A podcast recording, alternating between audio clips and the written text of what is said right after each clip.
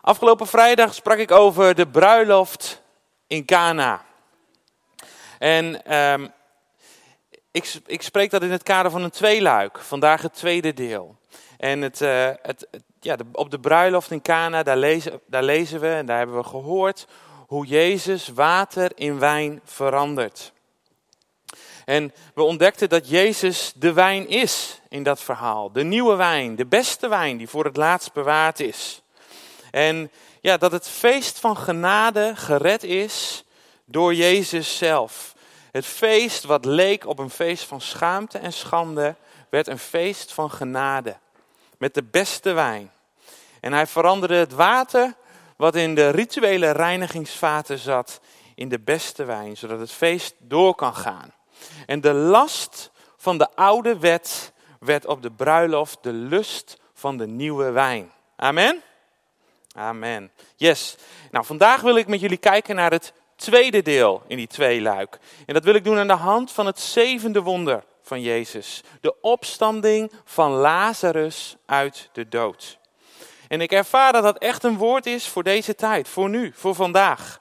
Kees Goedhart sprak vorige week namelijk over hetzelfde verhaal. En waarin je misschien kunt zeggen van nou, dat is toevallig. Geloof ik niet in toeval als het gaat om het koninkrijk van God. En het is bijzonder om te zien hoe de Heilige Geest door de jaren heen en ook vandaag nog steeds op een bovennatuurlijke manier kan spreken door verschillende mensen heen. En het is ook belangrijk om te blijven zien hoe de Heilige Geest op die manier ook blijft werken in de gemeente. En ja, ik heb altijd geleerd, als dat soort dingen gebeuren, dan moet je opletten. Dan moet je bij de les blijven. En ik geloof dat wat God hier ons doorheen wil leren, is ook juist om te leren kijken met onze geestelijke ogen. Twee, wonden, uh, twee wonderen die ogenschijnlijk op zichzelf lijken te staan. Als je het hebt over de bruiloft, de Kana en over de opstanding van Lazarus uit de dood, maken duidelijk wat Jezus voor ons gedaan heeft aan het kruis. En uiteindelijk komen deze wonderen weer terug bij Jezus. En ja, daarin zien we hoe bijzonder het is dat Hij de dood heeft overwonnen. Dat Hij opgestaan is uit de dood.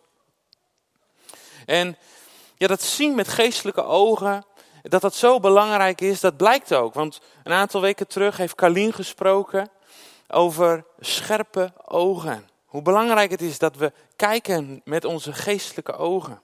En op diezelfde zondag sprak Lodewijk over precies hetzelfde onderwerp. Zijn thema heette Bright Eyes. Want hij woont natuurlijk in Canada, dus hij heeft geen Nederlandse titel. Dat is logisch. Maar als ik de afgelopen weken zo om me heen kijk en ik zie wat er gebeurt in de kerk wereldwijd, dan zie ik dat, uh, dat verschillende sprekers, dat verschillende uh, profeten, dat ze, dat ze het hebben over geestelijke zintuigen. En een van de uh, profeten die daar een autoriteit ook in is, dat is James Gall, misschien kent u hem wel. En hij heeft het over activate your senses to discern the unseen world. Dus activeer je geestelijke zintuigen. En ik denk dat het belangrijk is dat als God zo duidelijk spreekt, dat we daar ook bij stil mogen staan. Oké, Heer, maar wat betekent dat dan voor mij in deze tijd, in, de, in het leven wat ik leid? Weet je, want dat we in een lastige tijd leven, dat hoef ik u niet te vertellen. want het is gewoon pittig. Maar ik geloof dat God ons wil shiften om te, ons daar bovenuit te tillen en het vanuit het geestelijke, het bovennatuurlijke perspectief te gaan zien. En op die manier kun je zien wat God aan het doen is voor jezelf, voor je eigen leven, voor je eigen situatie. Maar het helpt je ook om anderen weer te helpen. Om ze in de situatie waarin zij zitten te helpen boven de situatie waarin ze zitten uit te tillen. Yes. Ik wil graag met jullie lezen Johannes 11, vers 1 tot 7.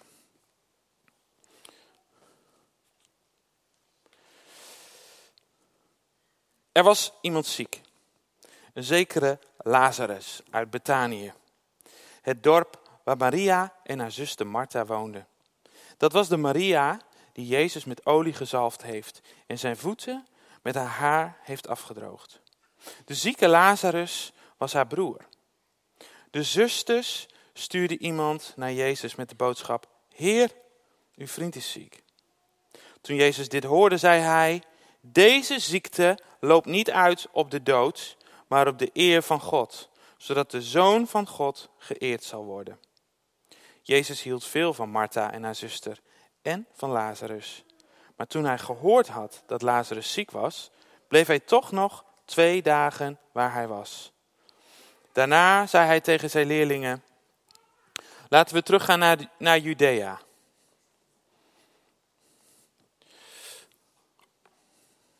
Laten we teruggaan naar Judea. Kees Goedart sprak in relatie tot angst. En hoe je hiermee om mag gaan. Toen de discipelen bang waren om naar Lazarus toe te gaan, legde hij Jezus uit, of legde Jezus uit hoe hij uh, twaalf uren heeft in een dag. En dat je kunt kiezen om in het licht te wandelen of in de duisternis. En die sleuteltekst, die hebben we net niet gelezen, maar dat is uh, Johannes 11, vers 9. Daar staat, Jezus zei, tel een dag niet twaalf uren. Wie overdag loopt, struikelt niet, want hij ziet het licht van deze wereld. Wandel overdag, want dan struikel je niet, omdat je het licht van deze wereld ziet. Hoe zie je dat licht? Met je geestelijke ogen. Met je geestelijke ogen. En vandaag wil ik opnieuw kijken naar dit verhaal. En net zoals het verhaal van de bruiloft in Cana, wordt Jezus ook in dit verhaal geopenbaard als de Christus, de Messias, de Zoon van God. En Jezus openbaart zichzelf in vers 25 als de opstanding en het leven.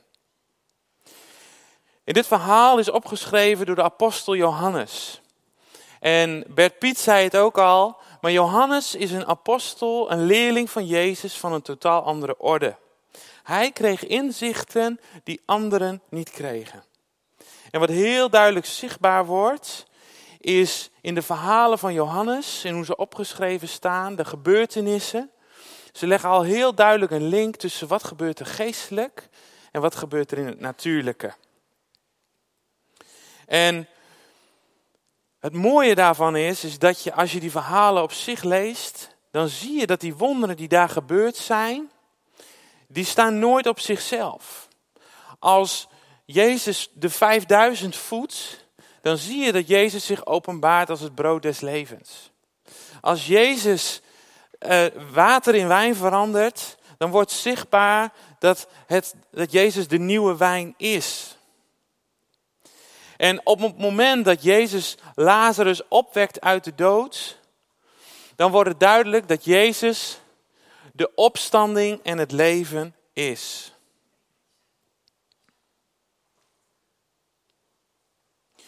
En het mooie van, daarvan vind ik dat het het evangelie op die manier kinderlijk eenvoudig maakt. Want je komt altijd weer bij Jezus uit. Er is geen andere weg. Er is geen andere route. Het betekent niet dat je eerst zo moet of zo en dan uiteindelijk ergens uit. Nee, de, de route gaat altijd naar Jezus toe. En ook in dit verhaal is er een groot probleem. En wat is het probleem? Er is iemand ziek. Er is iemand ziek. Een zekere Lazarus.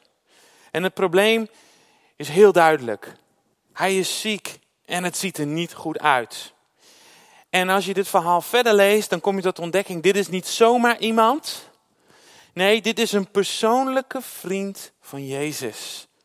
Iemand van wie hij heel veel houdt en op wie hij heel erg gesteld is. Net als op zijn zussen, Maria en Martha. En deze wetenschap, als je dit, als je dit realiseert, dat maakt de reactie van Jezus eigenlijk extra bijzonder. Want als lezer, als leerling van Jezus, dan, dan weet je, ja, Jezus gaat rond en hij geneest iedereen. Hij geneest altijd iedereen, overal waar hij komt. En nu lezen we dat het niet gebeurt. Nu lezen we dat het niet gebeurt. Hij blijft nog op de plek waar hij is. En ik kan me bijna niet voorstellen hoe dit voor Martha en Maria geweest is. Want je hebt een vippast. Je hebt een, je hebt een persoonlijke relatie met Jezus. Met die man die, die, die, die zulke bijzondere dingen doet. Maar Jezus blijft nog twee dagen op de plek waar hij is. En ik, ik stel me dat zo voor dat je broer ziek is. Hij is dodelijk ziek.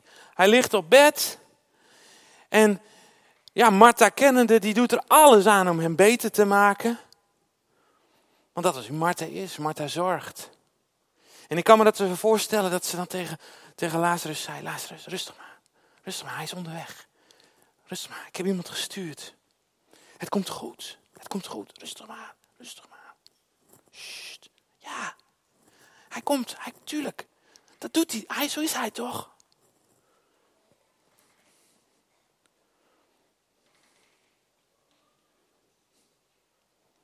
Lazarus. Blijf bij me. Nee, niet je ogen dicht doen. Nee, doe het niet.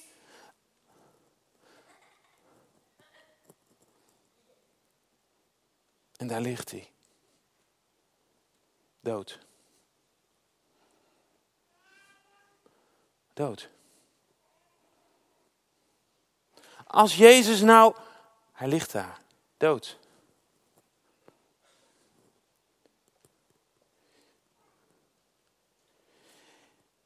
En wat je hier leest, door dit verhaal heen, is dat er op dat moment niet alleen iemand doodgegaan is, maar er is ook iets gestorven in Maria en Martha.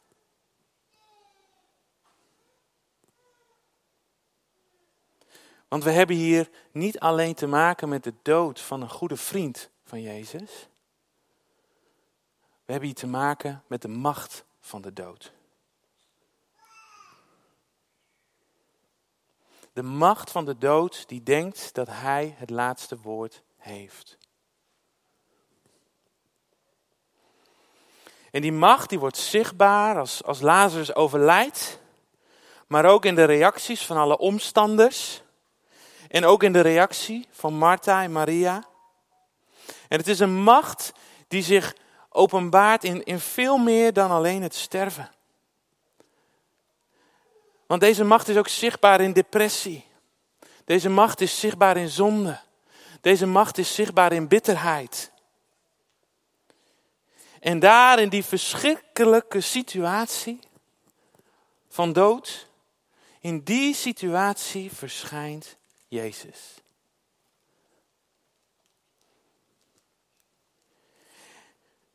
En de reactie van Martha is, als Jezus zegt, ik ben de opstanding in het leven, dan zegt ze, ja Heer, zei ze, ik geloof dat u de Messias bent, de Zoon van God die naar de wereld zou komen. Ze gelooft wie Jezus is, maar ze gelooft niet dat Hij bij machten is om Lazarus op te wekken uit de dood. Je kan een openbaring hebben van Jezus als de Zoon van God en toch niet geloven dat Hij de opstanding in het leven is voor vandaag. En de reactie van Maria, als u hier was geweest, Heer, zou mijn broer niet gestorven zijn. En Maria zegt hiermee eigenlijk, Heer, u bent te laat. Als u hier eerder was geweest, dan had u hem beter kunnen maken. Maar nu is het te laat.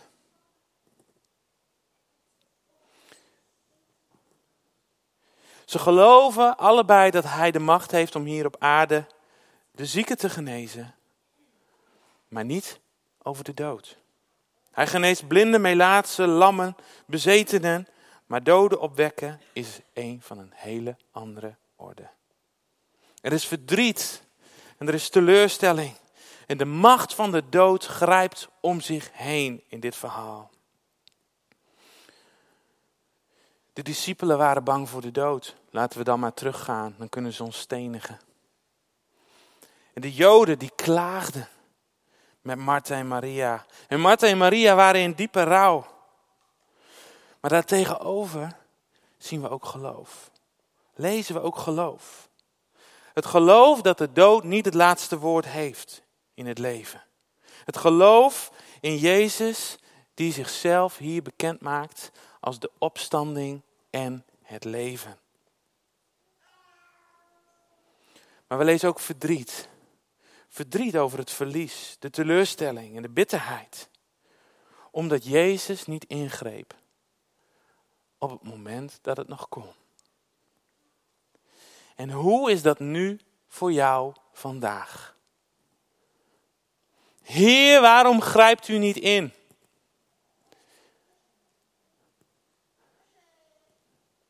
Hoe vaak is dat ons gebed? Waarom grijpt u niet in? Heer, waarom maakt u mijn vrouw niet beter? Of waarom maakt u mijn kind niet beter? Waarom, waarom, waarom? Heer, waarom staat u toe dat de dood het laatste woord heeft? En zo valt Maria neer aan de voeten van Jezus. Heer, als u hier was geweest, als u hier was geweest, dan zou Lazarus niet gestorven zijn. En ze verdrinkt in haar verdriet. En zo kunnen wij ook soms gefocust zijn op onze pijn, op ons verdriet, de crisis. Misschien heb je financiële problemen. Zorgen voor morgen. Heer, ik weet niet hoe het zal gaan. Ik maak me zorgen over mijn kinderen. Waar gaat het heen met de wereld? Als u hier nou was geweest. En de macht van de dood krijgt steeds meer grip op je. En je verliest hoop. En je wordt passief. En je wordt negatief. En bitterheid komt je hart binnen. En je zit vast. Je leeft, maar zo voelt het niet. En wat doet Jezus? Er staat, hij ergert zich. Wow. Waaraan? Aan het geklaag. Waarin ze zich omwentelen. Ja, maar er is iemand overleden. Dat snap je toch wel? Dat snap je toch wel, dat er dan toch verdriet is en geklaag? Ja, want er staat ook, hij was diep bewogen. Hij was diep bewogen. En als er iemand is die jouw pijn en jouw teleurstelling en jouw bitterheid begrijpt, dan is dat Jezus. Maar als er ook iemand is die tegen jou zegt vanmorgen, maar ik wil niet dat je daarin blijft hangen. Ik wil niet dat het regeert over je leven. Dan is dat Jezus. Hij wil dat je in actie komt. Of zoals we vrijdag zeiden, dat je doet wat Hij zegt. Wat het ook is.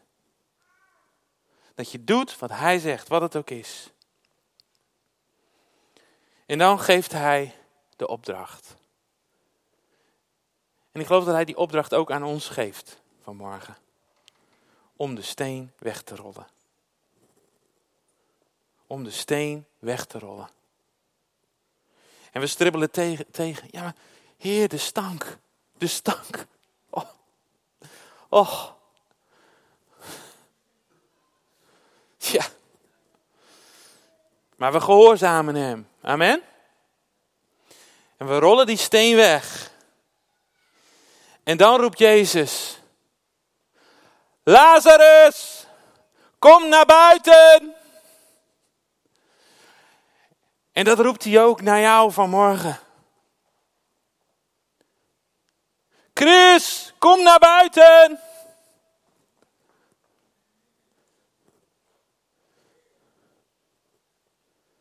En vul je eigen naam maar in.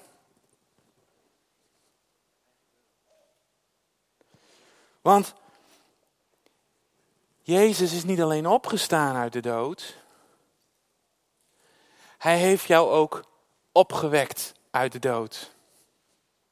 Hij is niet alleen opgestaan uit de dood, hij heeft ook jou opgewekt uit de dood. Want de macht van de dood heeft niet het laatste woord.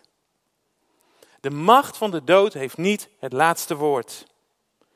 De dood regeert niet langer over jou. De dood regeert niet langer over jou. Hij is het graf ingegaan om die dood onschadelijk te maken. En dat is wat we vieren met elkaar vanmorgen. Dat Jezus de dood heeft overwonnen. En dat is wat er gebeurt als je je laat dopen. Daarmee zeg je, Heer, u regeert en niet de dood. Ik sterf met u en ik sta weer op met u. Uit de dood. Want Jezus heeft het laatste woord. Hij heeft het laatste woord.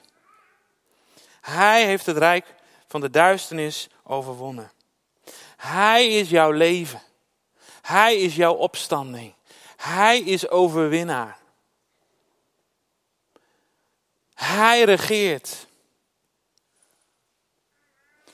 En Jezus openbaart zich in dit verhaal als de opstanding en het leven. En het feest van genade kan doorgaan.